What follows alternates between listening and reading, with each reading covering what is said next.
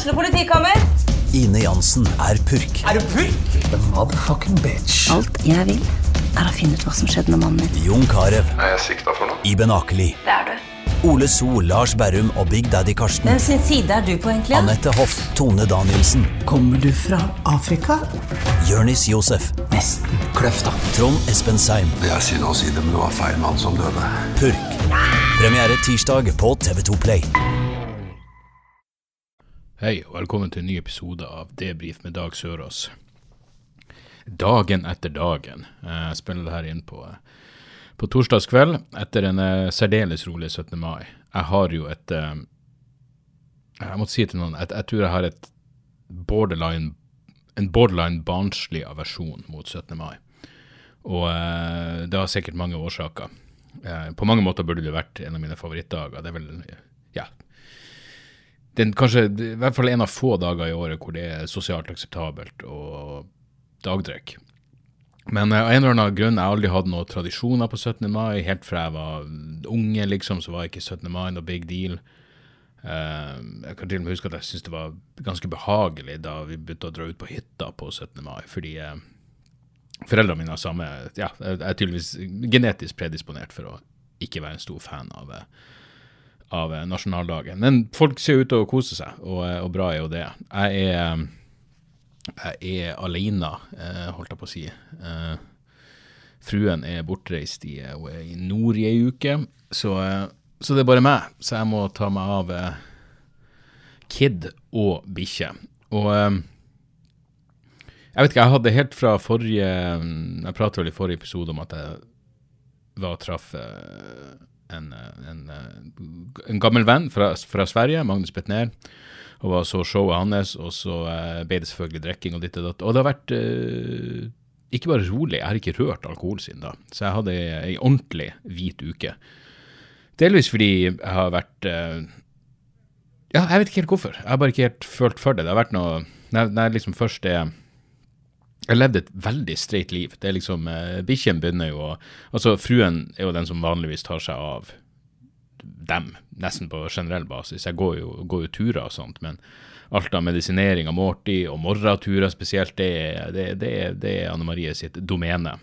Og hun har jo ei helt eh, diametralt motsatt døgnrytme av meg. Så Morty og Rick, Rick og Morty er jo vant til å eh, Hvor kan å si Morty og Rick? Det bare fucker med hodet mitt. Det er litt sånn når folk skal lese opp ditt telefonnummer, og så sier de det på en annen måte. Sånn som jeg er 909. Hvis noen begynner med 90, da, da, da klarer jeg ikke å henge med. Uh, så Rick og Morty har ei fucka døgnrytme eh, fra mitt perspektiv, eh, hvor de er vant til å våkne opp i sekstida. Så fruen legger seg rundt elleve, og så står hun opp klokka seks, og så går hun med dem. Så de er jo vant til det. Så nå har jo kampen vært, siden jeg liksom i ni dager, så er det mitt ansvar. Morgenturen er mitt jævla ansvar. Så da har jeg umiddelbart prøvd å snu døgnrytmen deres. Eh, ikke noe sånn ekstremt, men i hvert fall at de ikke får gå og legge seg før klokka ett. Og det føles jo faen meg som jeg torturerer dem. Det må være noe sånn tilsvarende Eh, ja, det blir ikke det Altså, hvis du Jeg vet da faen, hvis du skulle tvinge noen til å bare legge seg tidligere enn de vanligvis vil uh, Ja, det, det blir ikke noen god sammenligning, egentlig, fordi det føles nesten som jeg torturerer dem fordi jeg, jeg nekter dem å gå og legge seg. Altså, de ligger jo stort sett og sover hele dagen, men, men uh, det er rart med det der. De vil inn på soverommet og i de sove... de vil, de vil i, i sengene sine, i minisengene sine og i kurvene og, og legge seg. Så jeg klarte å eh, Ja, nå våkner de ikke før i halv åtte-tida. Men poenget blir, bare at da blir det veldig sånn streit. Jeg står opp, og så er det liksom eh, morgentur med bikkjen, og så er det medisinering av Morty-dag, og helvete, Anne Marie måtte skrive ut igjen eh, medisininstruks av hans, og det er altså Det er ikke småtteri. Det var ei av fire sider med info og medisiner og faenskap, så jeg visste jo. Men jeg visste på mange måter ikke. Så, så ja, nei, alt har bare vært eh, Jeg vet ikke, jeg hadde faktisk en eh, en, en, en ettermiddagstur jeg tok med dem for et par dager siden. Gikk jeg og hørte på en podkast, og så begynte jeg for første gang på lenge liksom å tenke på eh, vitser og jeg, jeg vet ikke, jeg, jeg fikk i hvert fall i løpet av den i løpet av den turen som var, kanskje var 25 minutter, så, så kom jeg sånn skikkelig inn i det. Så jeg gikk bare og tenkte ah, sånn og sånn. Så jeg tror nesten uh, muligens at jeg fikk en ny bit ut av, eh, av, den turen. Og da er det jo Herregud. Da er man jo uh, så glad og, glad og fornøyd. Og så hadde jeg en, en Altså, jeg hadde en overraskende hyggelig det, det, er en episode av Kirby Enthusiasm hvor Larry David kaster Jeg vet ikke om han kaste et ispapir eller sjokoladepapir noe i postkassa, i postkassa, i fuckings søppelkassa til en fremmed person, en tilfeldig søppelkasse, og så kommer fyren i huset ut etter han og begynner å kjefte fordi han kaster ting i hans søppelkasse.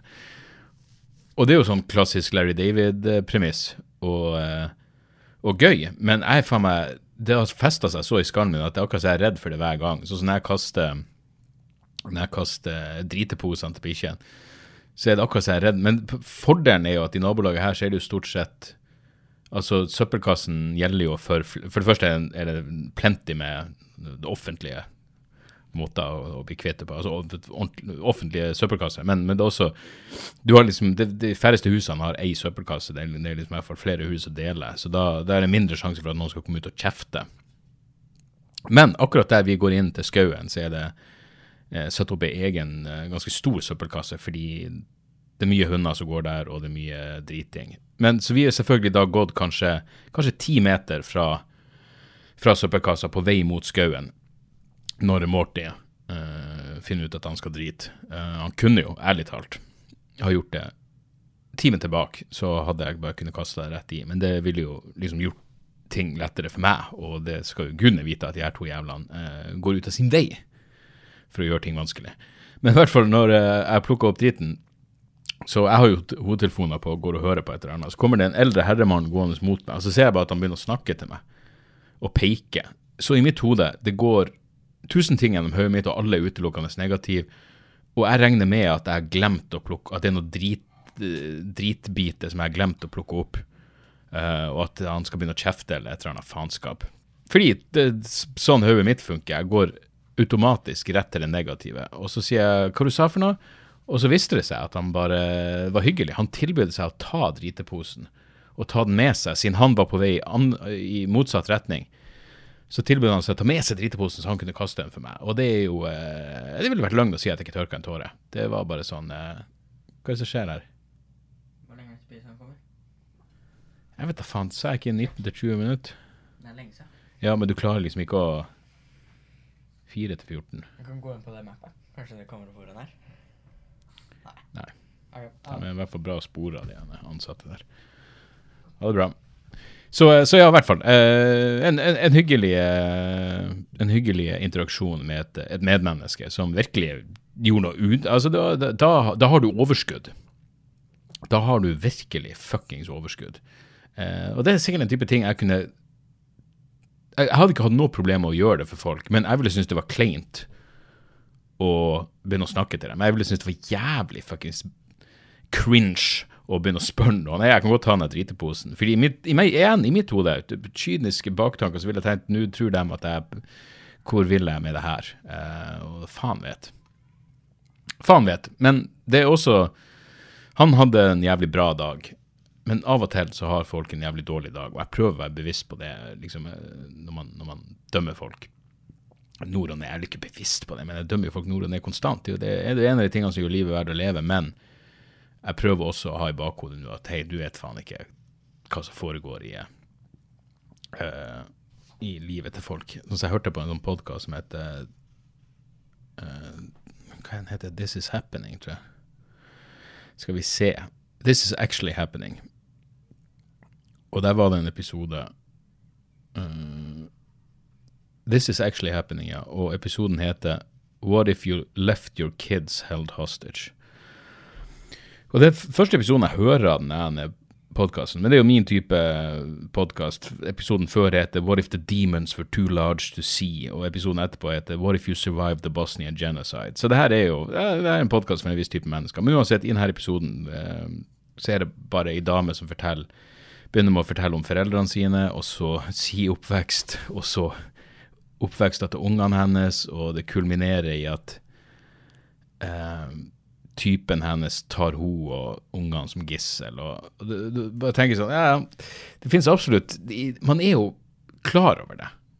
At det alltid er noen som har det så sinnssykt mye verre.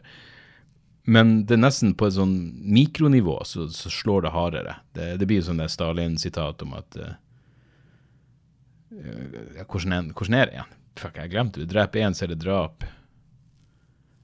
I hvert fall, så du dreper millioner, så er det en statistikk. Det er noe sånt. Og i reversert, eller i motsatt utgave, så, så blir det på samme måte med det her, når du bare får ei dame som forteller om sitt liv, så er det sånn helvete. Hun, hun har lov til å tenke at hun har lov til å bli sur på, si som, på folk som sier at det er mening med alt. Så at jeg også så en dokumentar om uh, Amityville. Uh, jeg har litt sånn kick med å se gamle horrorfilmer om igjen. Og uh, jeg husker den første Amityville-filmen veldig godt. Eller veldig godt, jeg husker den. Jeg husker ikke toeren, og jeg vet mange som mener at toeren er bedre enn den første, faktisk. Og jeg lurer på om Tarantino hadde toeren på lista over Det var en sånn topp ti beste oppfølgere eller noe sånt. Men det er jo basert alltid, altså Alt det spøkelsespisset må du jo tenke det du vil om. Men det er jo basert på ei sann historie i forstand at det skjedde et horribelt drap hvor en fyr eh, Han var vel ungdom på denne tida, skøyt og drepte foreldrene og tre eller fire søsken. Eh, han døde forresten for ikke så lenge siden i fengsel, uh, av uh, naturlige årsaker. Men, men uansett, så, så, han begår det her drapet. Han dreper hele familien sin i det huset. Og så er en, en ny familie som flytter inn, vel vitende om hva som har skjedd. Og de prata til og med med unge, det de sa i denne dokumentaren. De prata med ungene om hva som hadde skjedd. og Er det greit at dere, er, er, er dere komfortable med å bo på rommet selv om, selv om en unge ble skutt på det barnerommet? Uh, som er sånn Ja, det, ja jeg vet da faen. Men det, uansett, jeg, jeg, jeg, vet, jeg, vet, ikke om jeg kunne gjort det. Jeg vet ikke om jeg kunne flytta inn i et hus hvis jeg visste det hadde vært begått et drap der. Ikke av noe overnaturlig eller noe fuckings metafysisk. Altså, det, det, er bare sånn Det ville bare vært en sånn påminnelse. På den andre sida så lurer jeg på at den påminnelsen ville vel gått fort over. Uh, jeg vet ikke om det er noe, noe overnaturlig i det. Det er akkurat så det ene uh, Ja, det at når psykologer gjør sånne gjør sånne uh, eksperiment hvor uh, Ja, det ene er liksom at de tar uh, De sier til Det er, det er en bok som heter Supersense, som er jævlig bra. En professor som heter Bruce Hood, tror jeg. Uansett, han Jeg tror det var han som pleide å ta psykologiprofessor som pleide å ta elevene og så si hei, vil dere prøve den her? Han hadde med seg en eller annen skinnjakke. Og så vil dere prøve Er dere villige til å prøve denne jakken? Eh, alle bare sånn Ja, hvorfor ikke? Og så er det sånn Er dere villige til å prøve denne jakken? Eh, det var Jeffrey Dahmer sin jakke. Så vil ikke folk det. Uh, og som egentlig er irrasjonelt på alle jævla plan. Samtidig så er det et eller annet med jeg, jeg, vet ikke. Det, det, det jeg, jeg, skjønner hvorfor du ikke vil, uten at jeg nødvendigvis kan sette ordet på det. Det trenger liksom ikke å være noe, øh, noe, over, noe overtruisk eller, eller noe fuckings moralposerende eller noen ting. Det er bare sånn Jeg har ikke lyst. jeg har ikke lyst. Det, det er noe ekkelt. Jeg, tror nok jeg har det litt i meg. og Det føles som jeg prata om det her før, fordi jeg, tenker på det der når jeg var i en øh, vogn øh, var i, eh, i Berlin i sånn, eh, på et museum, og så hadde de ei, ei eh, si, togvogn som hadde blitt brukt til å sende folk til Auschwitz. Når du står inni der, så er det en jævlig følelse. Det er ingenting det, det, Ja, det er bare noe grunnleggende menneskelig med å det, det, er sikkert bare fordi man tenker på hva som har skjedd, men det er et eller annet med at det skjedde et sto folk inni her som ble sendt til gud vet hvor. Um, en ublid skjebne uansett, vil jeg tro. Og jeg lurer på om det ville vært sånn å flytte inn i et sånt hus. og Bare den evige påminnelsen. På den andre sida, kanskje det går fort over. Kanskje man Ja, hvis noen liksom sa at noen ble drept på det her kontoret før jeg flytta inn For det første ville jeg tenkt det er jo imponerende, for da måtte du vært en av de som bygde huset, som ble drept der, eh, siden alt var nytt når vi flytta inn. Men, men, uansett, om det, om det viser seg at huset står på en gammel jævla indianerkirkegård jeg, jeg vet ikke. Jeg vet ikke, folkens. Dette blir, det blir, en, uh, det blir en kort episode, merker jeg. Fordi jeg har, ingen, jeg har ikke gjort noen verdens ting. Og da er det, liksom vanskelig å ha noe er så jævlig mye å, å komme. Eh, Elon Musk er faen meg stokk fuckings dum. Jeg, jeg, jeg er lei av den å, å drive og bare være sånn Å, nei, men han må jo være smart. Han må, han, altså, jeg vet ikke. Jeg, jeg vet ikke noen ting. Jeg vet ikke om han er smart på noen fuckings måter. Har han gjort gode investeringer? Jeg aner ikke. Kanskje, bare, kanskje han bare er født rik, og derfor er han der han er. For at han er stokk fuckings dum. Jeg mener Og da må vi jo se bort ifra all den åpenbare løgnene og galskapet som at han gikk rundt på en Tesla-fabrikk og bare så unødvendige ting i Tesla-bilen. Bare, Dere kan fjerne de her delene. Som om ingeniørene ikke ville plukka det opp. Og han er, ja, han er, og SpaceX er et spennende selskap, men han gjør jo ingenting. Han gjør jo ingen praktiske ting. Um, og det intervjuet med han nå, fra Austin etter jeg vet årsmøtet i Tesla, etter han, hvor han driver og prater om det var jo en eller annen masseskyter i USA som eh, var nazist. Og at han er, var nazist, det vet vi jo, fordi eh, han hadde jo hakekors og diverse andre eh, ufyseligheter tatovert på kroppen sin. Så ja, det, altså, Si hva du vil om hakekors, men hvis du, hvis du, hvis du har lyst til å forevige et hakekors på brystkassa di, så tyder det på at, at, at, at dine synspunkt på, på, på rasemessig eh, harmoni og et inkluderende samfunn er, er eh, avvikende fra flertallets. Det vil jeg tørre å påstå. Og Likevel sier Elon Musk at nei, det, det, det her er en psy-up. De bare prøver å få oss til å tro. Bellingcat, den medie Eh, det var sånn Hva det kalles investigative journalism eh, fra Nederland, tror jeg. Som driver og faktasjekker og uh, Men se hvor faen fuckings Wikipedia Bellingcat is a Netherlands-based investigative journalism group that specializes in fact-checking and open source intelligence. Um, og så er det noen kontroverser fordi uh, de har fått noe penger fra uh, National Endowment for Democracy, og derfor går selvfølgelig folk som Glenn Greenwald ut og sier at det her er bare det CIA-dekkoperasjon og alt de gjør, men det er ingen tvil om at Bellingcat har gjort masse solid arbeid, uh, særlig i forbindelse med invasjonen av, av, av Ukraina og, og bombinga av det. Jeg husker den bomba det teatret og faktisk det fuckings barnesykehuset i Mariupol og alt det der. Det, så de, de, gjør noe solid arbeid. Men uansett, det, det var, vi kunne ikke høre på Bellingcat. Det var de som hadde fått informasjonen om at denne fyren var nazist, og det er han jo åpenbart ikke. Og så blir Elon Musk spurt om den jævla tweeten hvor han uh, ja, hva, hva, enn det var Han sammenligna George Soros med en eller annen fuckings uh, Skal vi se uh, Ja, han, han tweeta at Soros hates humanity, og Soros reminds me of Magneto, a comic book villain who, who features in Marvels X-Men series. Selvfølgelig. selvfølgelig. Et Geniet Elon Musk måtte selvfølgelig komme en jævla Marvel-referanse når han skulle eh, han skal kalle noen ond. Og så blir han spurt om det her. Og så er det bare sånn, Hva er det du tenker når du gjør det her? Og det er altså 30 sekunder stillhet før han bare sier jeg kan gjøre hva jeg vil, jeg kan si hva jeg vil. Jeg har ytringsfrihet. Altså, Hvis noen spør deg hvorfor du er et voksent menneske, hvorfor tweeter du ting som du vet kommer til å plukkes opp av jævlig grumsete jødehatere og, og andre høyrevridde mennesker? Thank you. Takk, takk. Thank you. Thank you. Hva var det feil? Sånn som er sånn der uh, au pair. Følte du deg som en au pair, ja? Ja, hvis noen her i huset føler seg som en au pair, så hvem av oss to No. Hvem av oss to? Men uansett, så denne dumme dildoen eh, svarer da med at han kan gjøre hva han vil, han har ytringsfrihet. Ingen, ingen benekter deg at du har fuckings ytringsfrihet. Men er du 13 år, eller er du bare en voksen mann med et infantilt verdensperspektiv? Hva er det slags jævla Jeg mener, Så det er svaret ditt for alt. Du skal aldri ta ansvar for noe. Det er bare 'Hvorfor gjorde du det?' Jeg, jeg kan. Jeg kan. Jeg kan. Ja, du kan, men hvorfor gjør du det? Betyr kan at du må? Det er altså, og det er da du skjønner, han kan ikke svare for seg, og han har ikke engang tenkt over at det her kan oppfattes kan bli oppfatta kontroversielt, fordi han er stokk fuckings dum. Jeg tror virkelig han er Han er, altså han er et uintelligent menneske. Uh, I tillegg til å være helt jævla ulidelig forkastelig ekkel.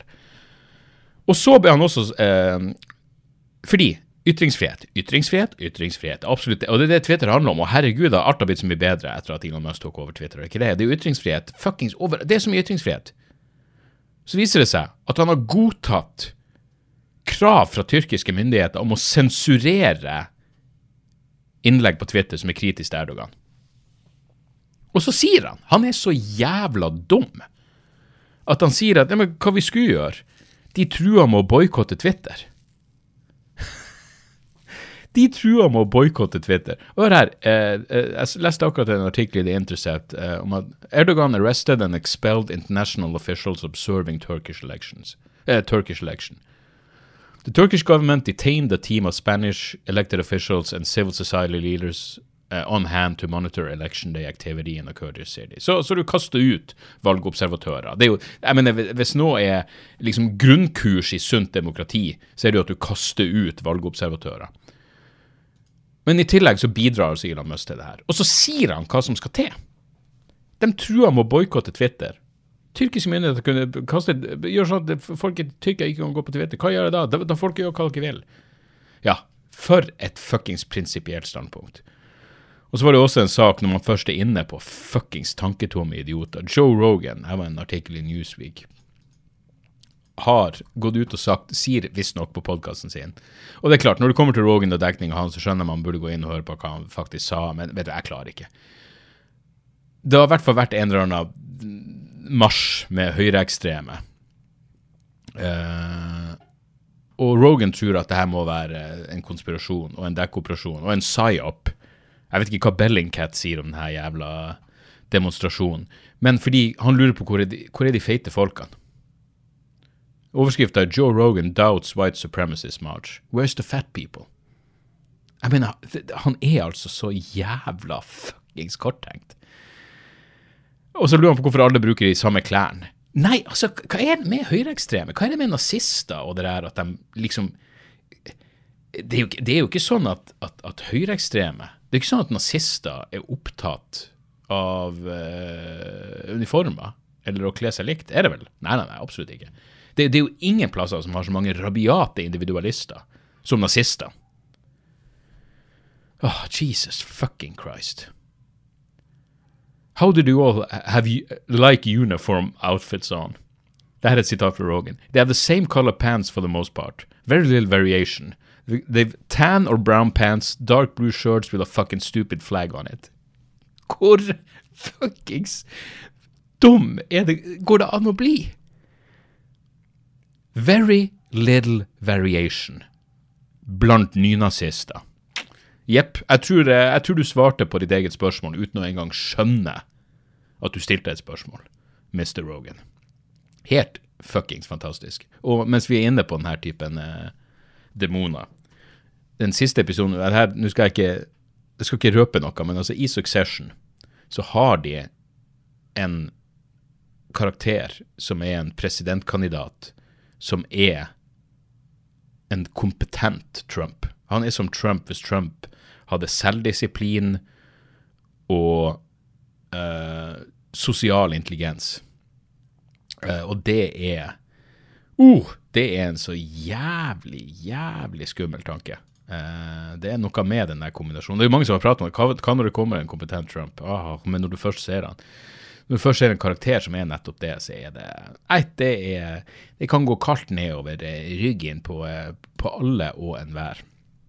Uh, utenom det så Ja. Militær nyliberalisme, hva i faen var det? Du, Det får vi ta neste gang. Jeg har rett og slett ikke Jeg har ikke, jeg har ikke fått uh, tenkt over uh, ting å prate på her. Uh, jeg har sett noen filmer, jeg har sett noen serier. Uh, faen, altså, det skal sies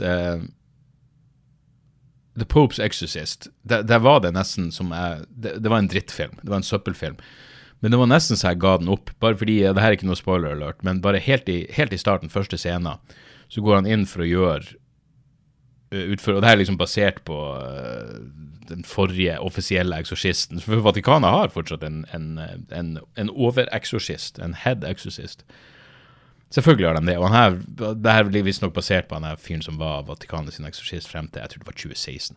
Men han kommer inn i en eller annen landsby, og så, eh, og så ligger det en eh, Dere vet nå hvordan det er. Det er oftest en ung person som ligger på senga, og Satan har tatt, eh, tatt over eh, kropp og sjel.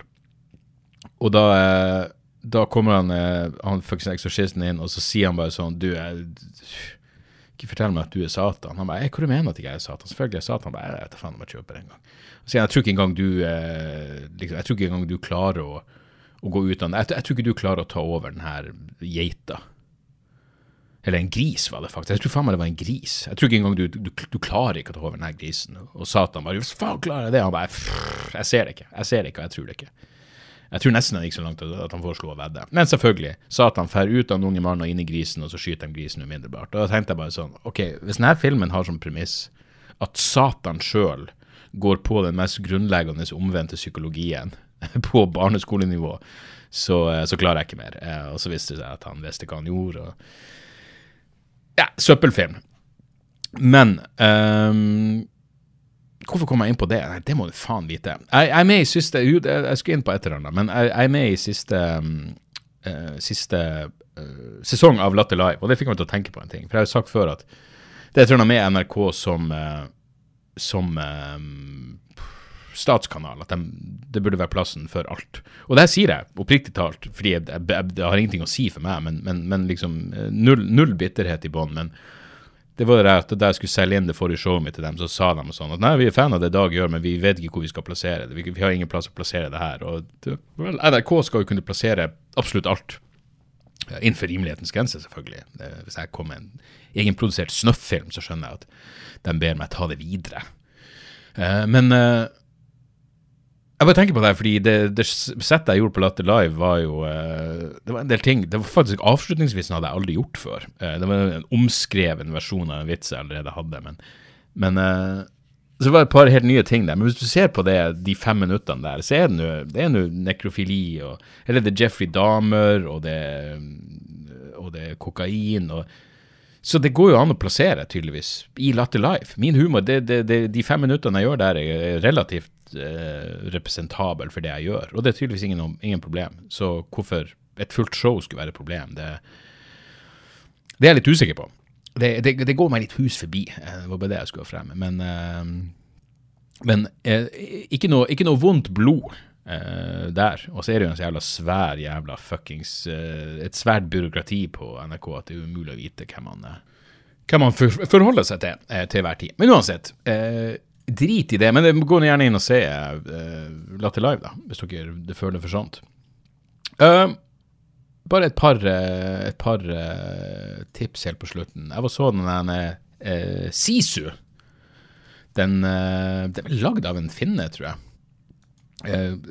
Hva man skal kalle det. Bare totalt over the top, nydelig voldelig actionfilm.